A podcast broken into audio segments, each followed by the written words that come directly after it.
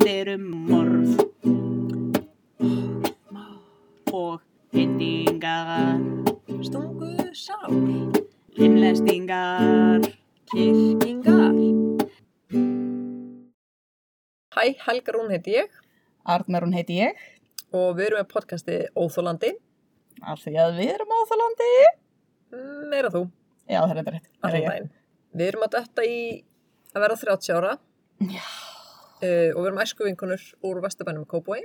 Aðal vesturbænum. En við ákveðum að gera þetta podcast því við gerum í rauninni fátt annað Mm. en að horfa á heimildabendur um orð þegar við hittumst. Hlusta podcast um morð, tala um morð. Hugsa um orð. Já, já, samt, samt ekki að myrða. Nei, nei, Það- bara þú veist. Það má ekki. En við íhugum reyndar að vera með YouTube-channel í staði podcast, en við uppgötum það að við þurfum að færa þann plattform yfir á OnlyFans, þar sem við erum almennt mjög fáklættar og að nutta og gilla hver aðra á meðan við tökum upp. Ég vildi að þetta veri grín. Þetta er ekki grein. Við erum stödd í Rúslandi á sovjettímanum. Alexander Nikolaevich Spesjitsov Takk fyrir, þetta var flott. Það var mjög flott. Nikolaevich Spesjitsov fættist í Rúslandi, skástrík Sýberju. Nú, Mm. þú veist, Rúsland uh, teiknaði þetta svolítið fyrir ykkur uh, Með fingrunum. með, með fingrunum hér, svo þið sjáu. Uh, Rúsland er náttúrulega risastórt land, nær, þú veist, alveg frá bara uh, Finnlandi og alveg, þú veist, til Japan. Mhm. Og helmingurinn er basically Sýberia og hinn helmingurinn er Rúsland, en þetta er alltaf Rúsland saman. Sýberia er bara snæfið þakkinn auðun eða eitthvað, nei, ég veit ekki. Veist, ég veit ekkert hvað er, veist, ég sé Sýberia bara fyrir mér sem snjó. Er líka bara Rússland. Og Þú Rússland veist. Þetta er fucking huge. Og ég veit Ekkert. ekkert um það. Um Ég veit meir um því. Þú veist, þetta er lærðum ekkert Þetta um er fokkin reysavaks okkur er ekki heimsálfa, okkur er Mm. ástrali heimsálfa. Ég ætla að byrja hérna, ég ætla að segja þetta aftur að að þú með greiðarlega fínan hreim. Alexander Nikolaevich Spesjitsov fættist í Rúslandi, skástík Sýberíu, þann 1. mars árið 1970 á tímum Sovjetríkjana, uh, sem eru sérst frá 1922 til 1991. Þá var fall uh, Sovjetríkjana, sem ég veit ekki raskat um. Já, ég veit óa lítið um það líka. Ég, ég veit bara ekkert um það. Já, ég á... Við lærðum pottet um það í samfélagsfræði í þú veist nýjönda bekku eða eitthvað. Já, en þú Punktur. veist... Í smást, einn tíma eða eitthvað. Já. Já, hann Alexander, hann fæðist þess að 1. mars 1970 á tímum Sovjetiríkjana og ólst upp í íbúð við Pjorn, Pjonerski, Pjonerski Prospect 53, sem er sérst ble, ble, ble 53, Mhm. held ég, í miðbæ Novokusnetsk, sem er stórborg í suðvestur Sýberíu. Hann var allt og léttur þegar hann fæðist. Uh, en hann lifði fæðinguna af, en hann var alltaf veikur sem barn og var bara svona frekar veikburða barn, bara svona grár og gugginn og á barsaldir var hann mjög ófélagslindur, hann hafði enga vini og var lagður í einhelli skóla bara af því að hann var svo, bara af, því að hann var eins og hann var. Uh, sérst þessi borg, Novokusnetsk, uh, var þarna um árið 1980 til 1990 á þessum tíma var yðnaðborg og það var mikið af félagslegum vandamálum í í þessari borg eins og bara mikil fátækt, mikil Mm. atvinnuleysi, mikil drikja. Það var sérst mikið atvinnuleysi og fólk sem átti engan samastað strögglaði við að lifa af veturna og á götuhornum voru börn sem hefðu flúið að heiman og betluðu pening fyrir mat, annarkvort flúið að Oh heiman god. eða bara Þetta er líka síbrju, fokkin viðurstegla kallt, sko. Það, er, það, er bara, það verður viðbjóslega kallt, þannig að ég get ímyndað mér að margir hafi frosið þetta fyrir það. og já, þetta var svona samblanda af börnum sem voru annarkvort munaðalaus Mm. og voru bara götuböld eða sem að ólust upp á götunni eða börn sem að bara flúðað Flússuðu, af því að út af öllum þessum, veist, það var uh, Bara drikja og... já, Já. þessi börn vildu frekar vera á götunni oft heldur en að vera á heimilunum sínum Mhm. þar sem að báðir fórældrar voru oft miklir alkohólistar og Mhm. mikið um ofbeldi á heimilum vegna, já, ég meina þetta náttúrulega tvinnast allt saman, náttúrulega. drikja, það verður bara ofbeldi, það verður, Mhm. þú veist, þetta Fadir Alexanders var alkohólisti sem beitti miklu ofbeldi og hjælt einnig, einnig ítrekkað fram hjá móður Alexanders. Uh, henni Ljúd, Ljúdmílu Ljudmila Spesitseva. En eftir um það bil, eftir meir en áratug, eftir svona 15 ár af þessu ofbeldi, heimilisofbeldi, þá bara hendi Ljudmila eiginmanni sínum á dyr. Ok, ekki. Já, og þau sá hann aldrei aftur. Ok, ekki. Mm -hmm. Svona, það hafi drepið hann? Mm. Sá hann eitthvað aftur? Veit eitthvað hvað pappa sem? Mm. Ég veit það ekki. Ég, að þú veist, það er, Dum, dum, dum. já. Um, Ég bara, já, já, þá fer ég bara og kem ekkert aftur. En ákvæmlega, aldrei, enginn mun sjá mig þá aftur, framar. Alexander og móðir hans, Ljúdmíla, áttu mjög stert en frekar óvinnulegt samband. Þau byggu á samt, Æ, ekki segja að þau áttu eitthvað svona... nei, nei, Ok. nei, nei, nei, nei, sem, eða þú veist, allavega ekki svo ég viti, Nei. en þú veist, þau voru fucked up. Þau byggu á samt systur Alexander, Nadesta, í henni típisku sovjet eh, íbúð, sem var bara svona eitt svefnerbergi, Mm. pínu eldúskrókur og smá stofa. Og yfirleitt sváfu fóröldarinn í Sötnumbergjunum og börnin í stofinni en það sem fadir Alexanders var ekki inn í myndinni. Lengur þá svaf Alexander upp í á mömmu sinni fram að 12 ára aldri vegna þess hver veikburða hann var. Og þetta var uh, á þessum tíma þá byggu fjölskyldur bara í svona lit, litlum íbúðum og yfirleitt voru fóreldrar í, í hérna Sötnumberginu og börnin voru í stofinni en svo þú veist ef einhver var veikur og eitthvað Mm. þá fekk hann að sofa í Kominn, eða þú veist. góður rúminu, þú veist. Um, og hún var röglega bara, röglega bara glöð að hafa eitthvað til að hlýja sér. Mm, Þú veist, maður veit ekki hvernig kynningin þetta er og svona. Alexander hataði önnu börn og mamma hans, En sýstu sinna. Bara al önnur Nei, nei, nei, já, hann, þau áttu þau mjög lögðan náið. ógislega mikið einelti og hann átti eitthvað vin, skiljanlega. 100%, 100%. Og mamma hans var ekkert að gera þetta neitt skárra. Hún kitti bara undir þessu, undir þessu hatri með því að tala við Alexander um hvað hann hataði stór og sterk börn af því að akkur er Alexander minn svona Mm. veikburða og meðan hinn börnin eru heilbrið og glöð og lalala. Þannig að hún var bara alltaf að, veist, espa þetta upp í honum. Nágrunum fjölskyldunar fannst þau furðuleg. Fyrsta lagi, þá finnst mér þau mjög furðuleg vegna þess að þau byggu á nýjöndu hæð. Og þó það væri lifta í húsinu, þá löpuðu þau öll alltaf upp stegan alla leið upp á nýjöndu hæð. Hún var alveg styrkjan og hann var eins og einhver lill rækja, grá rækja. Ég sé hann ógæsla skrýtin fyrir mér eftir að Nei, ég- lýsunum. Já, með ég veginn, uh, já, svona eitthvað, Já, svona, já, svona, já, hólum eitthvað. smá. Uh, nei, ég einhvern veginn efast Kannski var hann bara lifturrætt. Ég held það sko. Ég held það, því ég ef að það hafi verið vegna þess að hún væri að reyna að styrkja henni eitthvað, því að þú veist, hún var bara, hann var bómullin hennar. Já, satt, hún vildi hafa hann bara Já, sem hlaup. Þau töluðu aldrei við neitt og heilsuðu aldrei nágrunum sínum. Og þetta var frekar óvinnlegt af því á þessum erfiðu tímum, Mm. þá hjálpuðust nágrannar oft að, bara við að lifa af, þú veist, örugglega bara, þú veist, hei, við eigum ekki bót fyrir borun okkar þennan, þennan daginn eða eitthvað, bara, Nákvæmlega. um, Ljúdmíla, sérst móðir Alexanders, var einhvers konar deildastjóri húsvarða eða eitthvað. Í, hún var hérna já, hún var allavega yfir maintenance veginn í, Mm. skól, í ríkisæknum skóla í borginni, barnaskóla. En var rekin þegar uppkomst að hún hefði verið að stela einhverju svona lagnadóti. Svona fínni vinnu. Nákvæmlega, á erfiðum tímum döðans. akkurat. Og það voru, þú veist, eitthvað svona pípulagnadót. Þetta er bara svona, hvað varst það? Nákvæmlega. Hvað varst það að gera? fyrir hvað?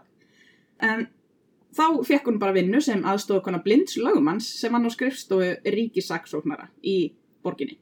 Sistir Alexanders, Nadesta, Nadesta, vann þar líka sem lögfræðirittari fyrir dómara. Og þær voru alveg vel metnar í vinnu, Greinlega. Já, ég meina fyrst- á algjörlega, ég meina fyrst er rekin fyrir, já, rekin fyrir stuld eitthvað staðar og bara ráðin sem Nákvæmlega. aðstofakona blinds lögumanns. Nákvæmlega. Já, sýstir hans vann þarna líka uh, sem lögfræðirittari fyrir dómara. Þær voru, já, þær voru velmetnar í vinnu en vildu samt bara eigða tíma með hver annari og vildu ekkert með samstæðsfélaga sína hafa.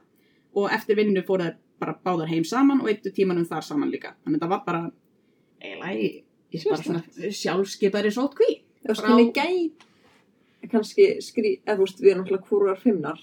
Já, Þú veist, ég get ekki ímynda mér það nei, að vera svona inn í mér. En skilur, ég eins og veit bara einu eru, skilur. Ég, Þú ég, hvað þá að tala bara ekki við neitt annan, bara Akkurat. fólk saman skrifstu og þú ert bara Já. eitthvað, Þú veist, ég held Æ, að þú hafi ekkert verið að þeir voru feimnar, þeir voru bara fucking skrýtnar. já, ég skil. Af því að he, þetta heimilislíf var vægast sagt förðulegt. Vægast sagt. Lífið innan veggja íbúðarinnar var mjög frábrugðið eðlilegu heimilislífi.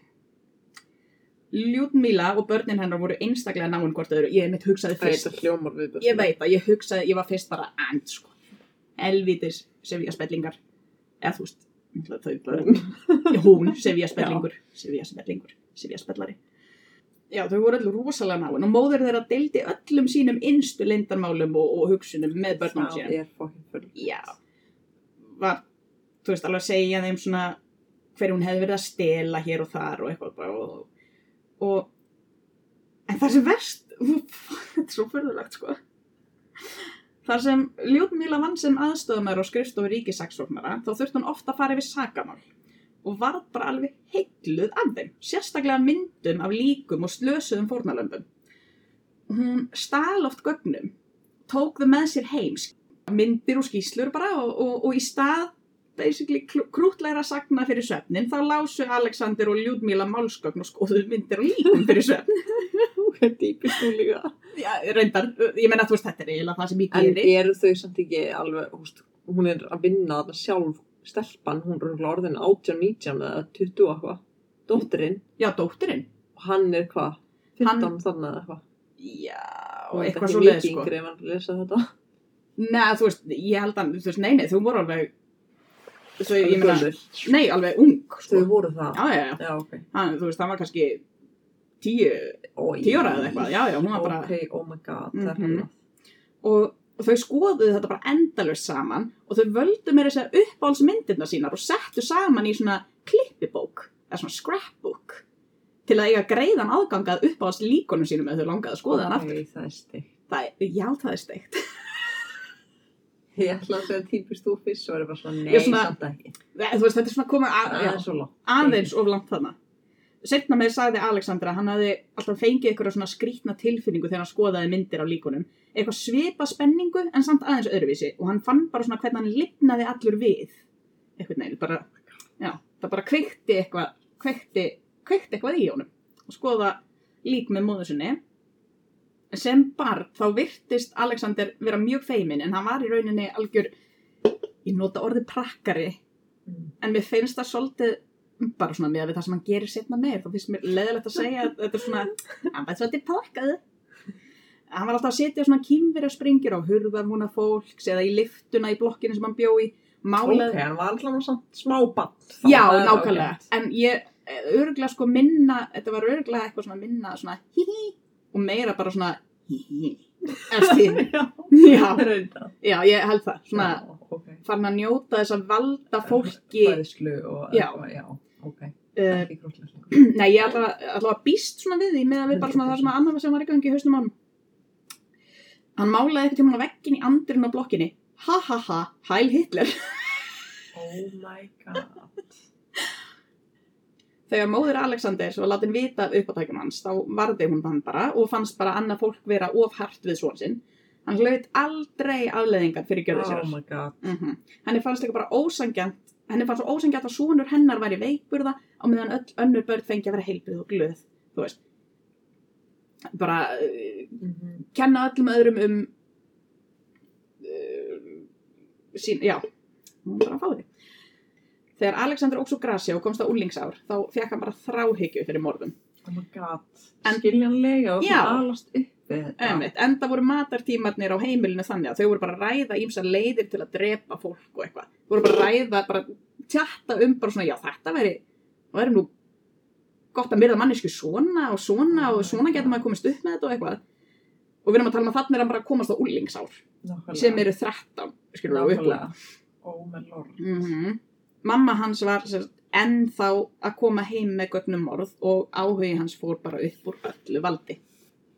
Þar sem Alexander var í hálgerði tilvista kreppu vegna þess hversu frábröðið heimirislífið hans var frá eðlulegu lífi utan veggja íbúðarinnar, þá hafði það mikil áhrif á hans andlega heilsu og hann fekk bara á þessum aldri, á, á úlingsaldri, bara hvert tauga áfallið eftir annað. Æ, Já. Ég veit, þetta er, þetta er bara svona, þú veist, pældi hvað hún bara, eiginlega. já, ég meina, m- ég velti því fyrir mér hvernig hann hefði orðið ef hann ætti aðra fóreldra, skilur Nákvæmlega. ef hann hefði ekki verið expósaður fyrir Mhm. öllum þessum viðbjóði, auðvitað fuckar það heila niður með, Nákvæmlega. skilur Þannig að þetta er áhugavert, Mm -hmm. áhugavert pæling hvort að hvernig, hvernig hann hefði orðið ef, að, ef hún hefði ekki komið með myndir af líkum heim og það hefði ekki verið að setja þau í klippubók saman. Hann fekk, eins og ég sagði, hvert taugafallið eftir annað og þá var mælt með að hann myndi leggjast inn á geðspítala. Þegar hann kom út af spítalanum og kom aftur heim þá sá mamma hans hversu andlega og líkamlega veikburða sonur sinn var orðin. Þú veist, veikburðari, öruglega Mm. en hann var samt orðið nógu sjálfstæður til að, geta, til að geta flutt út og búið einn en hún var samt ekki bjart sín á að hann geti unnið fyrir sér.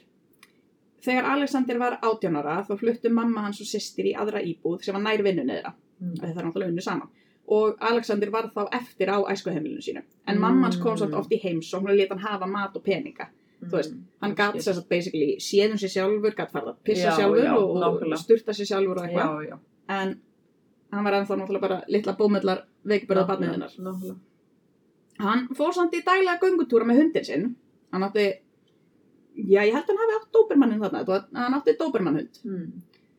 sem hann fór daglega í göngutúra með. Og einn daginn hitti hann á ferðum sínum 17 ára stelpu, uh, Eugenie Kuznokova. Hann- nei. Ha? Það var hérna strax byrjaður. Já, já, já, hann er strax byrjaður. Hann reyndi við hana og tældi með ljóðum og blómum og löngum göngutúrum og vonaðist til þess að þetta myndi leiða til hjónabands. Mammans og systir komu nú aðeins sjaldar í heimsótt en hann hafði eiginlega íbúðina nokkurn veginn alveg útaf fyrir sig. Mm. Og Eugenie var bara eiginlega alltaf þar hjá honum. Eins og kannski svona nýtt par og, Mhm. og gaman, þú veist, 17 og 18 ára Mm. á einn íbúð og eitthvað, ég veit svo sem ekki hvernig það var á þessum tíma en eftir að þau hefðu deitað í frekar stuttan tíma þá fór Eugenie að sjá hvers konar mann hann Alexander hafði að geima og eitt skipti þá bara var smávæs rifrildi sem vatt upp á sig og endaði í bara alvarlegri líkamlegri árás Oh my god.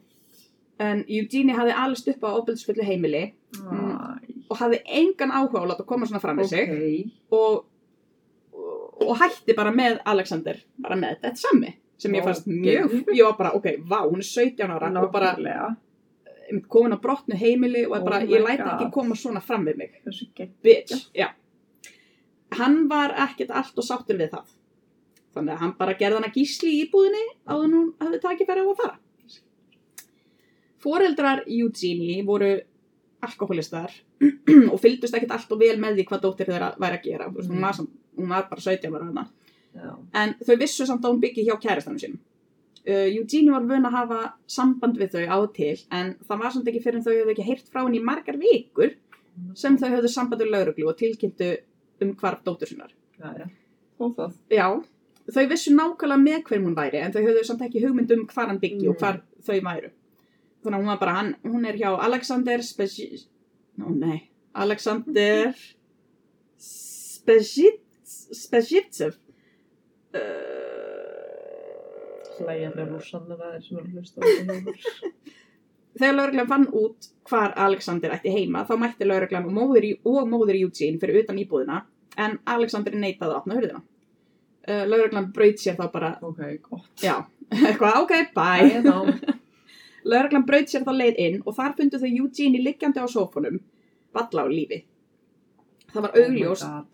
Að hún hefði verið pyntuð í margar vikur. Oh my Lí, allur líkaminn var þakin illa síktum sárum og þrátt fyrir að hafa verið bjargað þá lést Eugenie á spítalanum stuttu síðar vegna, jú, vegna blóð eitrunar. Hún var bara, hún var svo, þú veist, hann var bara búin að berja hana og, og pynta hana það mikið að það voru bara sýkingar í öllum sárum, bara Oh vessað úr my öllum sárum og hún bara dóur blóðeitrun. Mm. Þegar Alexander var leittur út úr íbúðinu sinni í handjátnum þá gargaði hann hástöðum á nágrannina sína og kendi þeim um að hafa ekki hringt á lögguna fyrir. Hvað, Hálfveitarnir. álveitarnir ykkar? Hvernig vógið ykkur? Þetta er ykkur að kenna. Og ég Það er sjálfsögðu manneskinni gísl hér Ok, en samt örugglega gífurlega öskur. það kemur svona svolítið inn á eftir sko. Ah. Fyrir þannig glæp var Alexander dæmdur til vistar á geðspítala árið 1988 þar sem hann var greindur, greindur með geðklóa. Hann var líka með háa greindaristölu. Um, hann fekk, hérna nú kemur þvagrásar sem ég varaði við, eða þú veist þetta er ekki það slæmt. Undirbúðu þig og horfði á púlsmælinn á, Ég- Ok, ég ætla á, á líkamniðinum. Það er eiginlega, fyndið að þessi setning kemur á eftir akkurat þessu hittan, hann var líka með háa greindaristölu og svo kemur, hann fekk líka eitt samfoka sinna til að hjálpa sér við að tróða og sauma málmkúlu í þvagrásina sína því að hann var viss um að þetta myndi gefa honum meira svona sexdræf en gaf honum einungis risvandamál og sýkingu í tippið. Oh my god. Hágreindar í sérstala. Veit ekki hvar hann hefur, nei ekki á þessu sviði, ég veit ekki alveg hvar hann hefur fengið Þá greiningu. Að, að sauma málmkúlu í tippið sitt. Inn í tippið sitt sé eitthvað geggjað. Ég, ég bara, ég, næ, ekkert. Nei, það er mjög skrítið. hvernig, ég er að velta fyrir mig hvort hann sé að hann, þú veist að þetta myndi stoppa, þú veist, ég veit það ekki. Ég ætla að segja svolítið um eitt sem að ég veit, en ég ætla ekki að gera. Fólk sem er að tróða prikum í það svona Æ, Arna. Já, ég veit það, fyrir ekki Varst að segja þetta. Fyrirnið. En hann fekk sér líka tattoo, held ég á, ég veit ekki hvort það hefur verið á geðspítalanum eða setna, en, en, en hann fekk sér stafin E fyrir Eugenie á puttan sinn og sagði að þetta væri til heiðurs fyrirverandi eiginkonu sinnar. Hvað, Þú skera puttan af yfir mammanar. Þarna, þegar þarna er komið við sögu, þá hann er sem sagt sendur til, dæmdur til vistar á geðspítala árið 1988. Uh, spólum fram í tíman og förum aðeins frá honum Alexander. Ekki langt frá honum samt, sem hann er alltaf. Sumarið 1996, nú erum við komin 8 ár Mm. fram í tíman frá því að hann var lagður inn á geðspítala. Sumari 1996 þegar höfuð, búkar og handleggir fór að finnast á bakka apa árinar og stórir hópar eftirlistlausa barna fór að hverfa var, Æ, nei. var talið að það væri raðmórðingi starfandi í Novokuznetsk. Alltaf börn. Já, það er alltaf börnin. Ég meina þær skjóta náttúrulega alltaf niður fyrir sér skilur. Þeir eru auðmíkjar og fara í það sem þeir ráða við. Ég veit ekki alveg hvort að ráðmórðingar starfi líka. Þetta er vinnan mín. Hvað Já, já. vinnur við? Ég er raðmorðingi. En þú? Bakari? Ætli, ætli maður geti titlað svona executioners svona uh, í bandaríkskum veist, það sem er verið að taka fólk að lífi. Ætli, ætli maður geti, ef einhver er búin að gera það nokkur sinnum, Já. ætli sér ráðmórðingi. Spurning. Það var líka haldið að það væri verið að drepa börn fyrir líffærið þeirra. Því þú veist, það var náttúrulega bara búin að, búið að sundur búta þau um, til þess að selja á svartamarkanum og löggan skoðaði allan flugfarangur sem fór úr borginni. Nei. Já, en ekkert fannst. Oh. Í september þetta sama ár hurfu þrjár ungar stelpur og rannsóknar aðilar óttuðist að versta. Vinkonurnar Olga og Nazdja voru 15 ára og Jenja var 13 ára. Olga hafði verið á spítala vegna smávægilegar aðgerðar og hinar tvær laumuðinni út á spítalanum. Ég veit ekki alveg hvers vegna. En Æ, bara hvað fyrir að vinkona Já, dúllast. ég held það, þú veist, þetta var, ég veit ekki hvaða aðgerð þetta var, en virðist ekki hafa verið, þú veist, kannski bara eitthvað að taka hálskíslana eða eitthvað. En þær uh, koma allavega uh, inn á spítalan og, og lauminni út krútlegt. Voru bara að fara í eitthvað, bara eitthvað, ég má ekki fara út á spítalan, menn okkur langar í dagsferð eða eitthvað. Bara í búðir. eða eitthvað. Já. Komaðu tilbaka, nei. Hvernig gæti hann drippið þrjár í einu? Ó, býttu. Það er ekki stærsta morðið hans. Nei, nei, nei, nei. Þessi maður var uh, prolific. Ok, ég skildi það með byssu, en annars skiljið ekki. Ok, Ekki kannski þú ert einn með hníf. Þetta marg. En já, Lögreglan fréttir sérst af þessu kvarfi og fer á milli búðareiganda og íbúa í Björneski götunni þar sem þær höfðu sérst seinast Mm. og síndu myndir, síndu öllum myndir á stelpunum. mm -hmm. Könnumst við við Björneski götuna. Já, það gerum við. gerum við. Gerir þú það? Bjúkuðu Já. mamman og sýstirina. Já, nei, þú veist, þær voru fluttar náttúrulega, þannig að Já. hann bjóð þar. Já, satt. Ein afgræslukona í einhverju búð myndi eftir þeim og sagði að þær hefðu kipt flöska vatni og virkuðu mjög hamingjusamar og voru bara að spjalla mikið og bara, voru bara, og líkstelpur, bara að dúllast. Bara eitthvað flippa, laumast út á spítalanum Mhm. og fara eitthvað. Hún heyrði það líka tala um að fara á eitthvað næturklúb, 13 og 15 ára, maður gerði. Svo kom gömul kona upp að þeim og Nei. mm, talaði við þær. Oh my god. Mm Og stelpuna þrjár fóru með konunni. Mm Afgræslu kona lísti gömlu konunni sem lágvaksnirri með dögt hár. Like everybody. hún taldi konun að vera um 60 og hún var með tösku og innkaupaboka meðferðis. Vegna þess að því hún var með innkaupaboka var talið að hún byggi í. Af því þú veist, þú ert ekkert röltandi eitthvað. Ég fer ekkert röltandi út á granda í Nákvæmlega. netto og labba heim góðlega. Hvað þú 60? Hvað þá 60? Margir 60 og glöð betra fór minn við. en Já, þú 100%. Allir.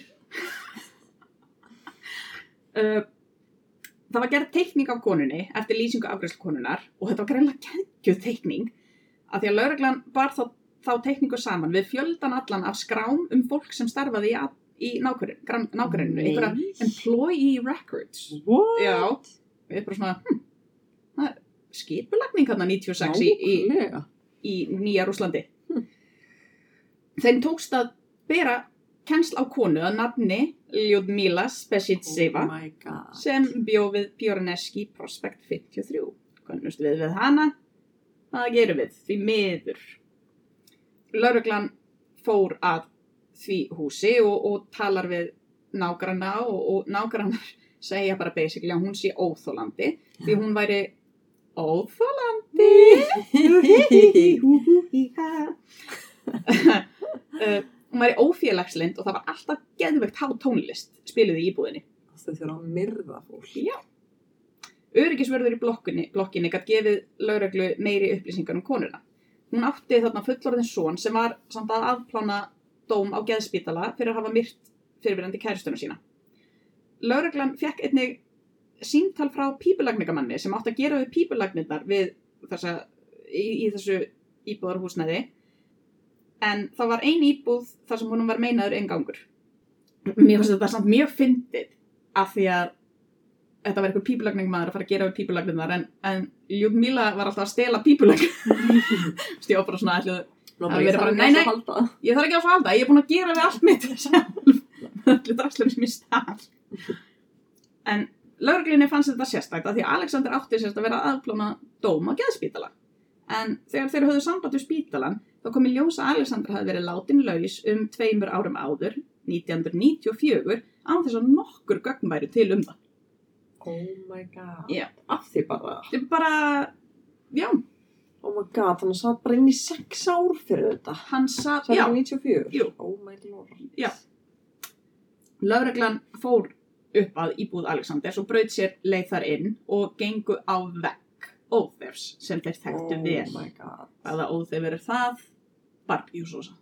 Þjók. það er minn óþefur. Uh, ekki óþefur af mér, heldur ég bara þóla ekki líktan af barbjúsósa. Það að er barbjúsósa. Alltaf svo. Nei, lyktin af rótnandi líkamslifum. Þeir fundu alls konar viðbjóð í þessari ógeðslegu íbúð.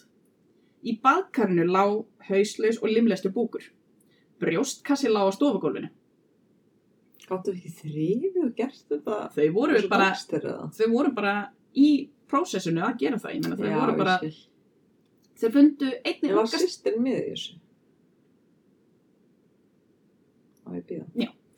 um, þeir fundu einnig unga stelpu sem var svo viðbjóðslega pyttuð að hún var bara við grafarbakkan. Þetta var Olga, 15 ára, einn stelpmanna sem hafði horfið. Og á dánarbeðinu, af því að hún lést uh, í kjölfar áverka sinna, mm þá sagði hún frá og, uh, bara ógeðin og pyntingonu sem hún og vinkonur hennar höfðu orðið fyrir af höndum Alexander Spesivtsev. En Alexander, Magnað, sorry, að ná að segja það já, og deyja svo, Já, maður myndi nákvæmlega. halda bara og hún er að segja þetta, þau Mhm. er bara góð, Mhm. hver menna. þetta er bara svona svipað og fyrirverandi kæristan hans sem einmitt, þau fundu hana bara Mhm. nær döða en lífi, hún segir frá hver, þú veist, og, og svo deyr hún. Og þessi líka. Um, en Alexander var ekki í íbúðinni. Hann var horfinn. En mamma. Það var enginn inn í íbúðinni nema, nema búkur og, og brjóskassi og, veist, og, ribcage. Þannig að þetta var, það var eins og það væri búið að flá, veist, eitthvað. Já, það væri bara svona, fyrir gerðu. Já, já, Alexander var ekkert, það var bara ekkert íbúðin nema, nema lík. Á geðspítalurum, þegar hann var þar inni, hafði hann verið kvattur til að skrifa fleiri ljóð og eitthvað, en hann var eiginlega bara að rækta hatrið sitt á öðru fólki og var staðræðan í að refsa þeim fyrir að vera til. Klipum hann fimm árum fyrir út. Mm mm, hann var í meðferð við geðklofa og eftir þrjú ára á spítalunum mm, 91, já. Hann var í meðferð við geðklofa og eftir þrjú ára á spítalunum töldu læknarnir hann vera nægilega endurhefðan til þess að skottast út í samfélagið árið 91 en það voru Mm. engin gögn til um útskriftina þannig að lögregla missa ekki að hann væri sloppin út Mm. um, akkur fundum við út tveimur árum áður ef hann kemur út sagði ekki 92, já. ní, nei, 94 Já, þú sagði tveimur árum já, ár, áður Fyrr, en 96 og hann átti að vera 94. kannski Já, kannski er ég eitthvað aðeins að Já, skil máli. allavega uh, Hann var hlautt alltaf fyrir út. já, allt, Þetta allt og snýst fljótt út uh, hann var augljóslega ekki endurhefður Svo sannlega. nei Alexander flutti þá aftur í íbúðina við, við Pjörneski Prospect þar sem að þar sem hann, já vá, ég var að fatta núna hann bara flutti aftur í íbúðina þar sem að kær, hann hana. drap kæristuna Mhm. sína og, bara eitthvað frábært. Já, líka það sem kemur eftir, hún með dörrullu sama. Hvort að ykkur hafi dáið eitthvað og bara eitthvað, það er bara sáttur. Góða minningar, já. Hann fór að hanga með heimilislösu fólki og betlurum, drakk með þeim og rætti mikið um sína skoðanir og líðræði sem hann hataði og bara svona heimsmálum almennt. Mm. Hann var ekki vinsæll í vinnu, þannig að hann vann fyrir sér með því að stela og gera við gömul útvörp. Ég áttaði mikið alveg á því hvort þetta væri tengt, hvort hann væri að stela gömlum útvörpum Já. og gera við þau og selja þau, eða hvort hann væri bara að stela og fá gömul útvörp frá fólki og gera við þau. Já. Uh, skiptir svo sem ekki miklu máli, þannig hann er bara fóði. Hann seldi líka svarta markað síkarettur á götunni og tók alltaf dóbermannhundi sinn með sér. Hann sá þá hversu mikið af börnum voru að alast upp á götunni og hann, Æ. Mhm. og hann tók líka eftir því að börn sem áttu Ó, heimili Nei. voru basically að alast upp á götunni því fóreldrar þeirra þurft að vinna mikið og, og svona óregla á heimilum.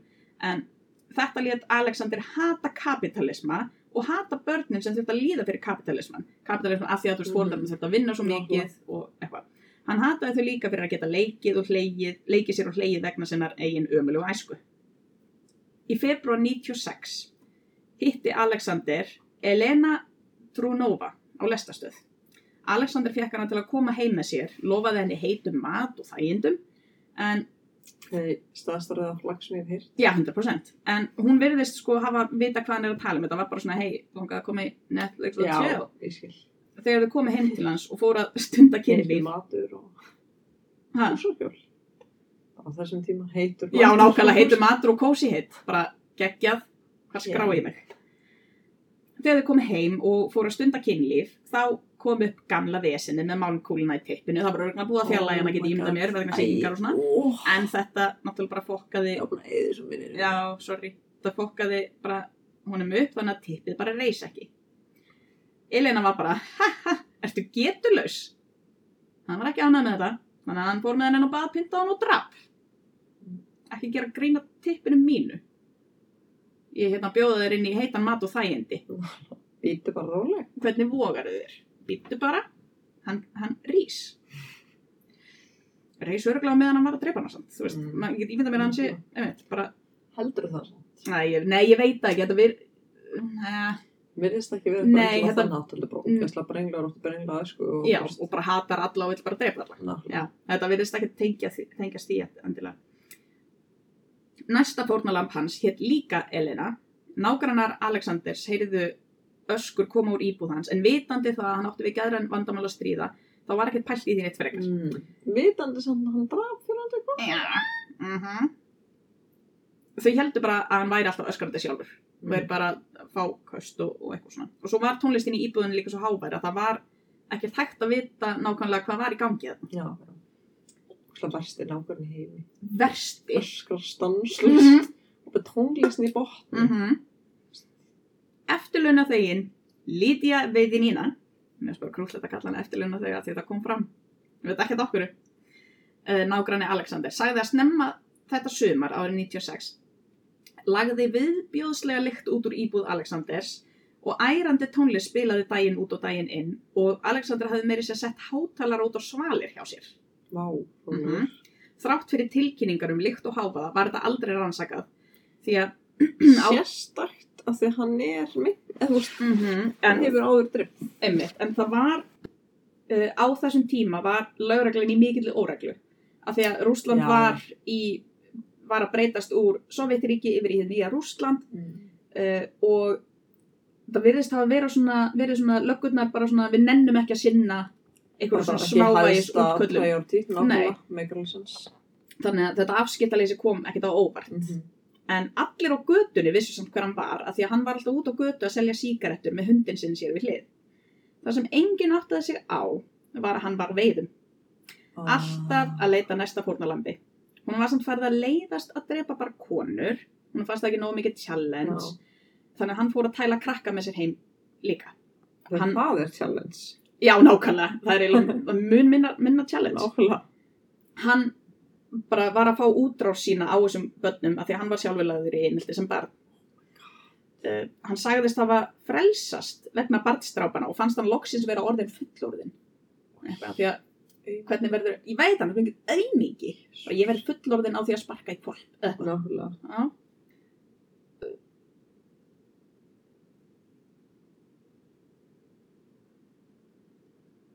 Vorið 1996 sá Alexander 6 12 ára stráka leika sér á byggingasvæði þar sem var verið að reysa verslun. Hann bauð þeim sígarettur og sagði hann myndi gefa þeim pening ef þeir myndu brjótast inn í og ræna íbúð fyrir sig. Það sem hann sagði þeim ekki var að þetta var hans Oh eigin íbúð. Mm. Hann hjálpaði þeim að svona... 6, 12 ára, 12 ára strákar alveg sem við, Mm svona þannig, 6 Guðstu strákar kannski bara eitthvað gett vanir, bara Nákvæmlega. Riskingum og, og eitthvað svona. Já. Hann hjálpaði þeim að komast inn í bygginguna undir svona þessu bara, já, strákar, ég hjálpa ykkur að komast inn inn og, og opna þessa íbúð og þið bara græði allt. Þannig að hann leiðir þá, opnar og leiðir þá inn í íbúðina. Alexander lísti sjálfur atbyrðarásinni. Þetta er svona quotes eiginlega. Þegar seinasti strákurinn lokaði hurðinni eftir að þeir voru komin inn í íbúðina þá snakki upp á þeir myndu fara inn í svefnabreginni. Þeir eru stressaðir og virtust átta sig á því að ekki vera allt með feldu, einn af þeim öskraði, ég tók nýf og stakk hann í bringuna.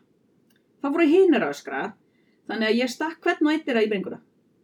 Ég sá að þeir dó allir strax, uh, þannig að ég færði þá alla upp að einum vegnum í Sötnumberginu. Þeir lágu þar í svona fjóra daga, þannig til ég tók, dró líkin fram í stofu og svo viku setna kom mammi heimsókn, ég leta hann fjarlæga líkin og fór bara að sofa. Og þegar ég vaknaði um morgunin þá voru engin lík frammi en ég veit ekki hvað mamma gerði við þau, ég spurði ekki. Oh. Sest, eftir þessa árás þá svaf Alexander í herberginu með sex rotnandi líkum. Og þegar mammans kom spurði hún einskis og hóf strax handa, hóf strax handa við að, hóf strax handa, hóf strax handa, byrjaði strax að hjálpa Alexander að limlesta litlu líkin. Hún setti líkamspartana í fötur, snattaðist niður tíu stigaganga og lappaði að bökkum AB árinnar þar sem hún hellti úr fötunum. En Alexander var strax redd í næsta morð. Búin að, búin að hreinsa íbúðuna sína að, að þú veist, sex strákur. Hver, þú veist, hann stingur eitt þeirra, allir hinn að byrja að öskra. Ég bara pæli í, hvernig næra hana. ofur hræðsla þegar þú hægt að ráðast Nei. á mann með nýf sem er nýbúin að drepa við þeirra. Nei, og kannski eru þeir líka bara, þú veist, kannski vegna vanneringu og eitthvað. þetta bara eitthvað, Mhm. ó nei, hvað er Mhm. hann að gera? Sex. Og hann var bara með sex lík inn í söfnebergi hjá sér í fjóra daga. Lyktin. bara nullandi og setur það svo fram í stofu og þá viku síðar kemur mamman þú veist, Er lappin yfir íbúðan og það er bara svona, ó, svona eins og þegar maður aldar eitthvað maður kemur inn í Já. íbúðan og það er enn lyktin og maður er bara svona, mm ímynda sér að það sé líkt á shit. sex líkum. Á rölti sínu um nágrennið fann Alexander tvær stelpur, 12 og 14 ára. Hann sagði þeim að hann ætti slatta af sápustykkjum heima hjá sér, þar mættu selja sápurnar og halda ykkur á gróðum. Þær fóru með honum og sáust aldrei aftur.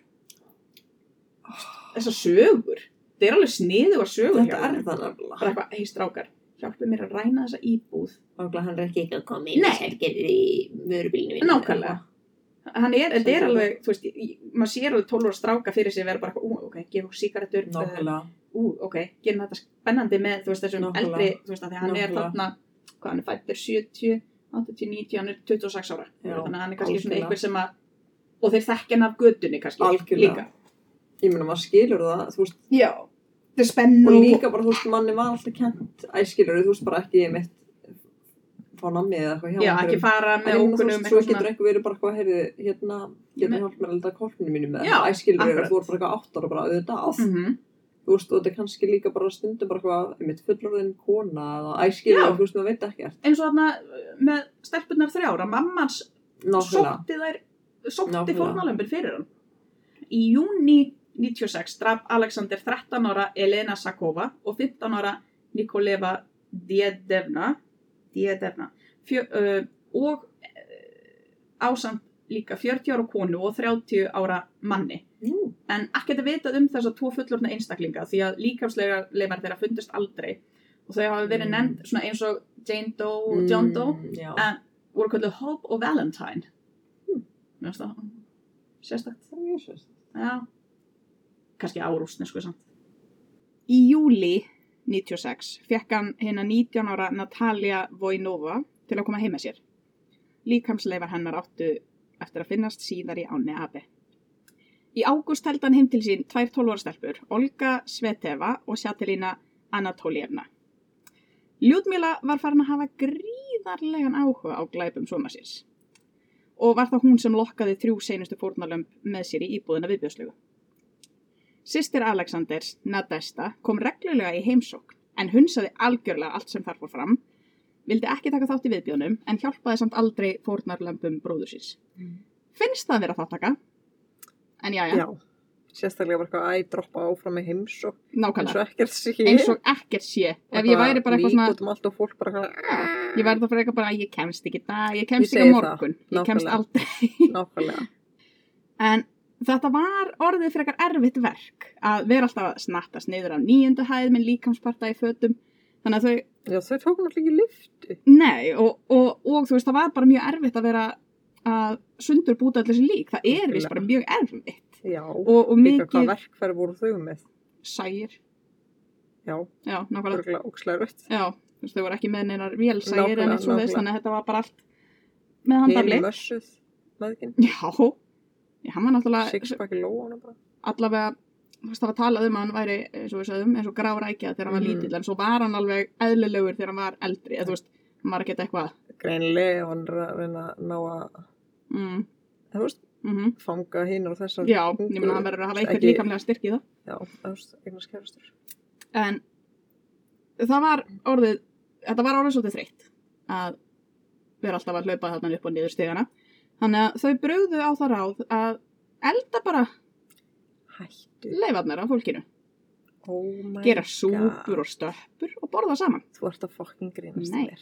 og hundurinn fjall líka alltaf bein til að naga. Mm Fyrstu líkamslegarnar sem að fundust Ói. var afskorið höfuð sem rak á bakka api árinar þar sem tvær konur voru að þvó teppi. Sem ég myndi brenna eftir það. Já, ég myndi, já. Og fingurna mína líka. Þau eru alla. Alla. Einn þeirra fór að nálæri brú og byggði lögreglu sem þar er að koma með sér. Lögreglan gerir það og veiður höfuðið upp úr áni. Og á næstu vikum rak hver parturinn á fætur öðrum upp á bakkana. Hvern einasta dag. Þetta voru bara, þú veist, við erum að tala um að hvað getur maður skorið, þú veist, hvað ætla hann hafi verið að skera líka mann í marga parta, get ímyndað mér, þú veist, það er búkur, löpp, löpp, hönd, hönd, höfuð. Ég myndi halda allavega nýju, tækja lappin Já. Já, já. Þannig að þú veist, maður getur rétt ímynda sér hvað þetta eru mörg fórnalömb Guð og góður. þú veist, hvað þetta er mikið á pörtum sem eru bara að þetta sé að koma upp í nokkra vikur. Líka bara könniðu ekkert hvernig ströymur hann lægi á þau. Já. Einhverja líkamslega var fundist líka á opnu svæði á milli skóla og næturklúps. Ég ætla að það verið skólinn þar sem að Ljúdmíla vann, veit ekki, Mm, en örglega. Það var erfitt að bera kennsla á líkin. Eða líkamspartana, þar að segja. Af því að mikið af líkamspörtum pörtunum voru af börnum og það höfðu verið að hverfa svo mikið af bara gödubörnum sem að eru oh my lord. umkomulaus. Þannig að, en fólk talaði um að börnin hefði verið frá ríkum fjölskyldum, þá hefði verið Mm. mun meira gert mun fyrr, náttúrulega. En eins og ég sagði áður, þá held lögreglan að þetta gæti tengst lífærasmygli. En þau reyndu líka að tengja þetta við mann að nafni Oleg Antakov, mann sem var kallaður The Ripper of Riga og var partur af KGB sem er skamstöfun fyrir, brace yourselves hérna, Komitet Gos, Gosjudarstefnoi Besopasnosti eða ríkisöryggisnefnd sem var ofinbert nafn leinið þjónustu Sovjetríkina á tímum kaldastriðsins frá árinu Men fólk hefði 1951. að hann hefði verið að gera það. Já. Það er eitthvað ríkislörglu starfsmæður. Sko, við þeim. Hann, uh, hann var, hann vann sér sagt hjá KGB Mm. sem pintari og yfirheyslu Mm, gæi. Og eftir að hann hætti þar, þá nýtti hann kunnáttu sína að ég verða raðmörðingi. Mm Óleg var handtekinn árið 96 og sagði, sagðist ekkert með þessi tilteknu lík hafa að gera. Þannig að, Treystum því. Já. Skjótast út. já. Nei, nei, hann var náttúrulega handtekinn uh, fyrir að vera raðmörðingi, sín eigin, Já, eigin glæpi. En við spólum aðeins tilbaka, af því ég vildi ekki byrja á öllum viðbjöðunum. Hættu. Manstu þetta pípulagningamanninum? Já. skoðum aðeins sögunum hann. Sögunum hann, hann er svo sem ekkert merkilegur. Hann mætir, þarf að fá að skoða og gera við lagnir. Alexander kemur til dyra og neytar píparanum um ingang og segir að sé að því að hann er svo geðveikur. Og segir eitthvað ég er geðveikur, mamma lokaði mig inni. Og vegna þess að það eru eitthvað brot á það er brot á einhverjum lögum að aftra gangi pípulagna eða eitthvað að þá ringir pípulagningamæðurinn í lögregluna Mm Lörglan mætir á svæðið af því að þeir voru mannstu búinir að vera að þeir Já, voru, að já, þeir voru búin að finna út að þetta væri líklegast Alexander en Mhm. skrítið, hann er í, inn á geðspítala en svo er pípulagningum Mhm. mm bara nei, hann er geðveikur og mamma slokaði hann inn ekstar. Já. Lörglan mætir á svæðið og við munum eftir því hvað var þar inni það var búkur í baðkarinu og brjóstkassi á stofugólfinu og Olga á Ok. Það var líka bara blóð upp um alla veggi það var húð í morgunverðaskálum í oi. haus í vastanki inn í íbúðinni og hundur í hornuna að naga bein Ok, húð í morgun var að ská. ég, ég bara, Er auðvitað ágeðslegasta setningur. Ég- ég veit það. Og ég sé þetta svo ógeðslega fyrir mér. það sem ég þú veist það var bara skin in a cereal bowl og ég var bara, veist ég er bara búin að vera reyna nuguðu þau þetta svo bara? ég, ég, eða skáruðu þetta niður einhverja smerri bita gera jerky eða eitthvað, þú veist, ég veit það ekki, veit ekki hvað þau voru að gera með þetta í skálum. Þau voru örugglega bara í, þú veist, þau eru bara að gera stöppur og súpur og svona. Og kannski byrja að reyna að gera föt úr leðrið, ég veit það ekki. Ég veit ekkert hvað þau eru að gera með þetta í er hann morgun. Þar voru 82 sett af blóðugum fötum. 40 mismunandi skartgripir frá konum og börnum, polaroidmyndir af nögtum fórnarlömpum hlekkjuð við odd, par af agnarsmáum stígvilum. Hæ? Eitt par af agnarsmáum stígvilum. Æ, þannig. Ég svo fyrir svona par ástar og svo bara komið sínu stígvil inn í þetta og ég var bara eitthvað svona ég skil ekki hvort þú ert að fara Nei, nei, nei, Ok. því miður. Úa. Já. En Olga láð þarna á sófanum með brotin handlegg og sjö stungusár í bringunni. Hún var flutt á spítalan heiði snarasta og áður hún lést sem var bara minna en sólarring eftir að hún Mhm. bjargaðist þá náði hún að gefa mjög nákvæmar lýsingar á öllu sem hefði gerst á þessum seinustu vikum lífsennar. Vikum vikum mm það var meira mánuður sko Lörglan tók vitnisbyrðanar upp á vídeo og hún, ég sá svona screenshot úr þessu vídeo mm. og þú veist, það er bara hún liggjandi bara marinn í spítalarúminu bara að, oh bara þú veist, hún er bara God. kortur frá því að deyja og bara hvað ég verða að segja frá ég, já, ég verð bara að segja frá öllu þegar saksóknarinn spurði hvernig hún endaði í íbúðinni Mhm. þá kvísla hún sem þýðir á rúsnesku gömul kona Ljútmíla sá þær í vesluninni og bað þær um að hjálpa gamalli konu að bera innkaupapókana sína heim fyrir sig.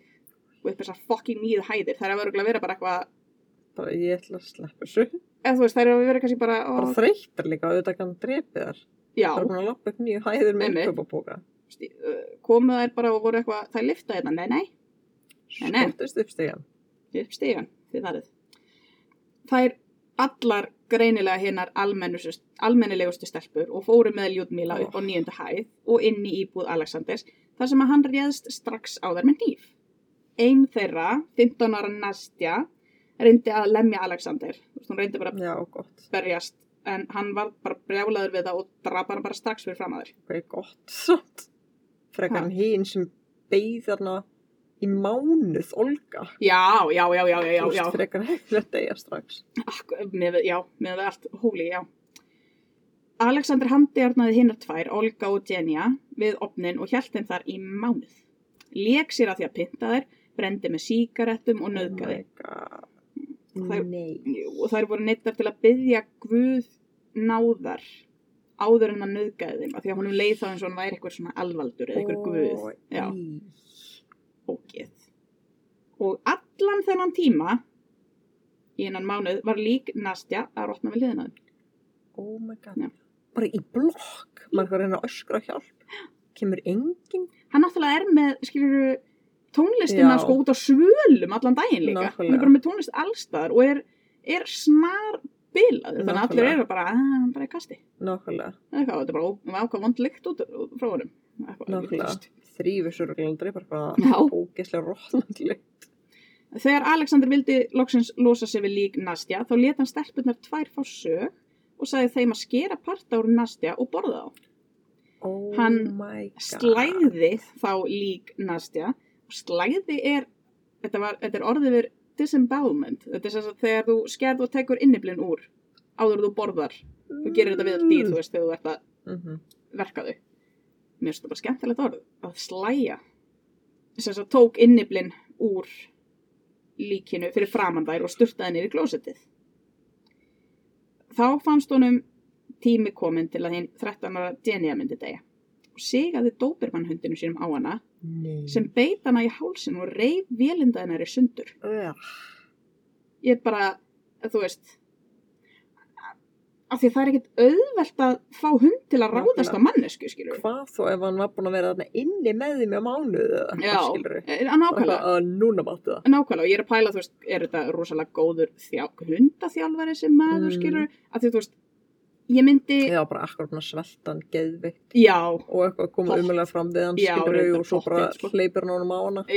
Örgulega, eða eitthvað, örgulega öll blóðu og eitthvað og, nákvæmlega og hann er bara ógeðslega svangur, örgulega, hann kemur örgulega ekkert betur fram við hundin sinn, eða jú, örgulega reyndar, hann kemur bara betur fram Mm. við hundin sinn heldur en fólk, en, en Ábyggilega. örgulega ekkert eitthvað klikkað vel, samt, veist, ég veit það ekki. Olga var látin sundurbúta hana og Alex notaði hold og bein Jenja og bjóð til súpur og stöppur sem hann gaf Olga. Og sagði henni eitthvað tíman, uh, En þú veist, myndið þú myndiru hún vissi ekki að þetta, hún væri að borða, mm, en þú veist, en hún var samt búin, þær voru samt búin að vera látnar borða Nastja, já. skilur við. Ég held, hún er bara, þú veist, hann er bara en það er líka bara, þú veist, að þú ert að svelta Já. borða vinkonu mína eða ekki, Já. skilur En hún virtist ekki hafa vita, sko, þegar hún var að borða Jenja. mm, og hann sagði henni það við mataborðið bara svona brosandi og hún spýtti því öll út úr sér. Já, en mamma og sýstir Alexanders horfðu á allt og reyndu aldrei að hjálpa. Líklega þetta ekki mamman, bara já, mamma náttúrulega bara eitthvað en sýstrin, hvað fór fram í. Ætla alveg orðin keksruglega líka en samt steikt, skilur já, myndi maður ekki þá annarkvort taka þátt ef maður orðinn þetta geðveikur? Já, nákvæmlega. Eða láta sig hverfa? Já, nákvæmlega, það er hvort eiginlega. Já, ekki bara hvað, næ, ég læti eins og sé ekkert vegna vitnisspurðar Olga hafði lögreglan nú næg sönnunagögn til að geta handtekið Alexander og Ljúdmíla. Og þau játuðu bara bæði strax. Og Alex var eitthvað brosandi eitthvað, hann fristir í minn svo fullur er líka spurt maður, já, er eftir að loka hurðinni. hann náttúrulega bara er, þú veist, hann skamma sín ekki vitund. Nei, Hann er bara stoltur snargeður. og snar geðvíkur. En Alexander lísti sjálfur seinustu þremur borðunum uh, á þessum stelpum og augun hans bara ljómuðu og hann nöyt þess að minnast atbyrðarásarinnar og þetta er svona kvót Það var gaman að hafa þrjá stelpur í einu. Ég var átt uppeskrap með hugmyndir og vissi ekki hvað ég myndi vilja gera næst og því reyðara sem ég var, því indalli voru stelpuna við mig. Uh, stelpan með brotnafótin snýri sér að mér og grenjaði og vildi ekki leika við okkur hinn lengur og sagði please byttuðu þá hvernig fóturinn minn er gróin ég skal gera allt vilt. Ég var reyður, ég meina hvað gerir maður við svona stelpu? Ég náði stort blað og skrifaði á það Today Slaughterfest. Hæ? Fyrst skildu og trúðu stelpunar ekki hvað ég ætlaði að gera þegar ég lísti því fyrir þeim. En þau sem elska mig ekki lengur og ger ekki það sem ég segi verða að deyja. Oh my god. Og Það þær voru, sína með mynda hann. þær voru smá sjokkaraðar, ég veit ekki alveg okkur, því ég sagði þeim að Nastja myndi lifa áfram í okkur og þetta væri nú ekkert svo slæmt. Uh, svo læði ég með hann til mamma kom og hún fór að skera hold úr Nastja og elda eitthvað rétt, súpu eða eitthvað, við borðum öll saman. Oh my god. Mm Mér finnst mamman þúsund sinni geðveikari. Eiginlega, af því þú veist, hann er svo geðveikur Út af henni. út af henni. Gafst þú ekki mafjósa puttan í Rúslandi? Jú, það gerði ég. Já. Já. Ég sagði fuck you við hann líka. Já, ekki það. Svo hlupu stelpunar út og ég þurfti að fara eftir þeim. En hann var á fullur, þannig að Já, ok. Hann- komst ekki á eftir okkur. 50.000 dollara hot á því núna. Klárlega. Eitthvað ím og gella í Rúslandi sem að stóð upp og fokkaði á mig. Hann var líka bara áreitt okkur. Já, ég veit það. Veist, já. Því miður var einungis hægt að bera kennsla á örfálík að parti kannski að því að rétta meina fræðidildin í borginni fekk ekki mikinn styrk frá ríkistjórninni og rannsóðastofan var í gömlum lestavagni. Oh my Mhm. god. Og höfðu ekki undan 87 lík. Nákvæmlega, öllum þessum líkamspörtum, sko. Nákvæmlega. Að genagreina líkin hefði verið of dýrt, náttúrulega, þannig að það var ekki gert. Þannig að fjölskyldur og vinir þurfti að bera kennsla fólki sitt bara út frá fötunum sem voru í Já. íbúðinni, skarkgripunum eða þá bara líkamsleifunum. Nákvæmlega. Ljúdmíla var fundin seg um að vera vitorðsmaður í, vitorðsmaður, vitorðskona, í glæpum svona síns og var dæmt til að sitja inni í 15 ár. 15 ár, nákvæmlega. Á. Það er eitthvað, hún sótti fólk fyrir hann. Og gekk frá öllum líkunum. Gekk og frá allt öllum. hann upp til að verða rámorðingi. Já. Já, hún gerði það. Árið 2008 var hún látin laus. Búin að sitja inni í 13 ár. Segði mér að sé búið að drepa hana. Nei. Hún vildi, být, hún vildi flytja aftur í gömlu íbúðina Oh með dóttur sinni en þeim var ekki leift að gera það. Pældi, Oh pældi í þessu. Bara hún, hún er bara eitthvað, hún er ekki einu svona að reyna að vera ekki snar geðveik eftir hún kemur út. Hún er ekki einu svona að reyna að vera bara, hvað var ég að gera? Ég, nei, nei, bara ég vil fara aftur í ógeðslegu, viðbjóslegu Og hleyft út tveimur árum fyrr. og hleyft út tveimur ára fyrr. En þær búa núna saman, báðar, í afskektu þorpi um svona 45 mínútur frá uh, Novokusnetsk. Sistirinn var líka yfirheyrð og sendi í sálfræðimat og var fundin heil á geði en hún var ekki ákjent fyrir neitt af því það voru engin sönnunagögg sem tengdust henni. Já. Þannig að það var ekki hægt að, já. Hvernig er hann heil og geði eftir þessa Ja. æsku? Og þessa fjölskyldu. Ég held að það verið bara mjög lág standard Já. á þessum tíma kannski. Þessu geðveik? Nei. Jæja, Já, já, þá. hún er góð. Flott. En árið 2016 þá hópuðu saman áhyggjufullir þorpsbúar og hófu að fylgjast með öllum ferðum Ljúdmíla og rekordar það allt Mm. á samfélagsmiðlum. Ég átti eftir að tekka á þessu. Ég veit ekki oh af hverju var ég búin að tekka á þessu. Pældi í því líka ef svona sem bara flytja inn í húsi við hliðin á. Jáp. Bara eitthvað að börnin eitthvað vil maður fara út að leika. Ég verði bara nei. Mm Svo Farið saman ekki. ekki. út. Aldrei. Aldrei. Já, þannig að þau, þau eru bara eitthvað, þau eru bara að skrá niður allar ferðir hennar og setja inn á Magnað. samfélagsmiðla. sem ég finnst bara geggjað af því að ég menna, þú veist, auðvitað á fólk sem að er búið að taka út sinn dóm að fá að, Já, þú já. veist, uh, en Ekki halló, allir. ekki að allir. Hund, na.